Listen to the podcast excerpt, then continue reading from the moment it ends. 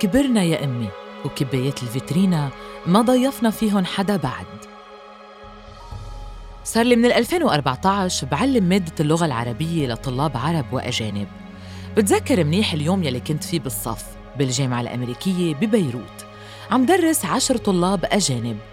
كان صف تعليم عامية لبنانية وكنا وقتها عم ندرس عن أقسام البيت المختلفة وأسامي الغرف بالعامية من أوضة القعود والصالون وأوضة النوم وغيرها. بتذكر طالب رفع إيده بكل براءة ليسألني عن الفرق بين أوضة القعود والصالون لأنه حس حاله ضايع شوي. الأسئلة يلي مننسألها بصف العامية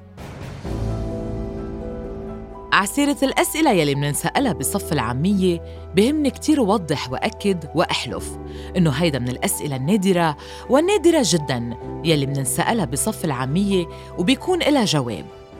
بصف العامية بيضطر الأستاذ يتعامل بشكل شبه يومي مع أسئلة من هالنوع. ليش عبارة البيت قايم قاعد بتعني إنه البيت مكركب؟ وليش لنقول انحرجت بالعامية منقول اسود وجهي مش احمر وجهي وليش لازم الإنسان يبلط البحر إذا رأيي مش من رأيه؟ شو خص البحر؟ وليه في حدا أصلاً فكر بهيك شي؟ وليش بدي قص إيدي إذا بشك إنه حدا كذاب؟ وليش محروق ديني بتعني تعبان مش كافر؟ وليش خير يا طير منقولها لإنسان؟ وليش دق راسك بالحيط بتعني عمول يلي بدك إياه؟ وليش أكل يعني مش الحال؟ وليش روح يا كبير بتنقال لناس مش ضروري يكونوا كبار؟ بعد التعامل شبه اليومي مع هيك نوع من الأسئلة خليني لكم إنه عزينا الوحيد نحن أساتذة العامية بعد كل موقف من هالمواقف يلي منتعرض لها هو بأنه نتذكر إنه الصف رح يخلص وإنه رح نرجع عبيوتنا وإنه الشوكولا صح غلي بس بعد ما انقطع وإنه عادي إذا نصحنا شوي وإنه ما فيها شيء إذا الإنسان بكيله دمعتين. وإنه بكرة يوم جديد وإنه الحياة بشكل أو بآخر بطريقة أو بأخرى رح تكفي.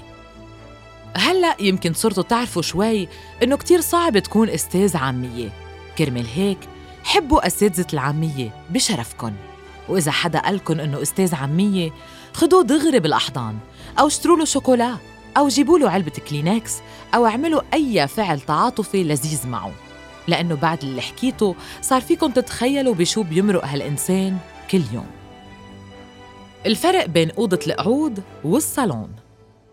بعد هالتفريغ يلي عملته خلوني أرجع لسؤال الطالب عن الفرق بين أوضة القعود والصالون. الحمد لله كنت بالصدفة قادرة أجاوب على هيدا السؤال فقلت له يا صديقي الفرق بسيط.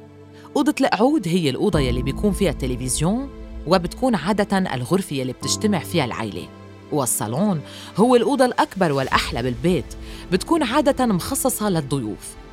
وكنت بعد ما خبرته إنه أمي كانت تقفل الصالون بالمفتاح وتحسسنا إنه بدنا نشتغل كتير على حالنا لنصير بمستوى العالم يلي بتقدر تفوت على الصالون. وإنه كنا نفتش أنا وإخواتي بالساعات على مفتاح الصالون لأنه كان بس بدنا نفوت لهونيك. ما كان بدنا نلعب جوا أو نقعد جوا أو ناكل جوا. لا لا لا لا لا. ولا شي من هيدا. بس كان بدنا نفوت يا الله. بس نفوت. كان يبدو شي كتير مهم لتوازننا النفسي أنا وإخواتي. الفوتي على الصالون من فترة للتانية. أوضة القعود للعيلة والصالون للضيوف. المهم خلينا نرجع للجواب يلي جاوبته للتلميذ. ويلي كان باختصار إنه أوضة القعود للعيلة والصالون للضيوف. بتذكر وقتها إنه كنت بعد ما خلصت جملتي حتى لقيت عشر طلاب رفعوا راسهم عن الوراق وتركوا الأقلام يلي بإيدهم وطلعوا فيي وكأنه يلي قلته شي غريب. وأنا هون دغري بلشت فكر بلوح الشوكولا وبإنه المرأة بالإسلام مش مكلفة أصلاً بالإنفاق وإنه مش غلط إذا بيي أو خيي بيصرفوا علي. وبعدين فهمت شو صار لما سألتني طالبة. يعني انتو بالبيوت أو الشقق يلي عايشين فيها مخصصين أحلى وأكبر غرفة للضيوف مش لأهل البيت؟ نحن ببيوتنا في بس أوضة قعود وإذا إجانا زوار بيقعدوا معنا بأوضة القعود هالجملة خلتني أدرك لحظتها كتير من الأشياء الغلط بحياتي. خلتني أرجع ليلتها عند أمي يلي كانت قاعدة بأمان الله عم تحضر مسلسلها التركي تبع السبع تلاف حلقة. وإلا هلأ بتعطيني مفتاح الصالون. هلأ بدي إياه. بتصور ما في داعي إلكن إنه كمان لازم تحبوا أمهات أساتذة العامية لأنه هن بيضطروا يتعاملوا مع هيك أشياء آخر الليل. أمي لتخلص مني ولتكفي مسلسلها التركي دلتني على مكان المفتاح. فتت على الصالون وبلشت أسأل حالي أسئلة كتير. وين المنطق؟ وين المنطق بأنه بيي قصت هالبيت الصغير يلي عايشين فيه على 30 سنة للبنك وترك أكبر وأحلى أوضة فيه للناس؟ هالأوضة ما كان فيها تكون أوضة ألعاب كبيرة لإلنا نحن وصغار؟ جيم صغير؟ مكتبة صغيرة؟ قاعة أفراح؟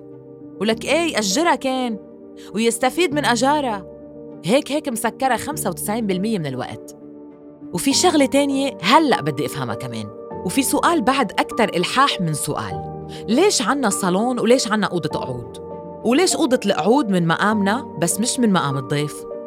وهيدا السؤال لعله السؤال الأهم بحياتي وبحياة ناس كتير صحون الفيترينا وكاسات الكريستال المذهبة يلي بالصالون أمي صار لها خمسين سنة ضابطن لمين؟ ولك لمين يا الله لمين؟ وليه الصين كلها عنا بالخزانة؟ بقوم هلأ بدق للسفير الصيني ببلغ عن أمي بقول لهم عنا مقتنيات من عندكم صار لها بفيترينتنا آلاف السنين ومش عارفين شو نعمل فيها بركي بتجوا بتاخدوها بتستفيدوا منها ومنعطيكم أمي معها هدية طقم صيني روميو وجولييت. هل أمي مدركة يا ترى شو عملت بروميو وجولييت بسبب هالخزانة؟ لك خمسين سنة وجهم بوجه بعض. جولييت صار بدها space بطل بدها روميو. اختنقت على الآخر يا أمي.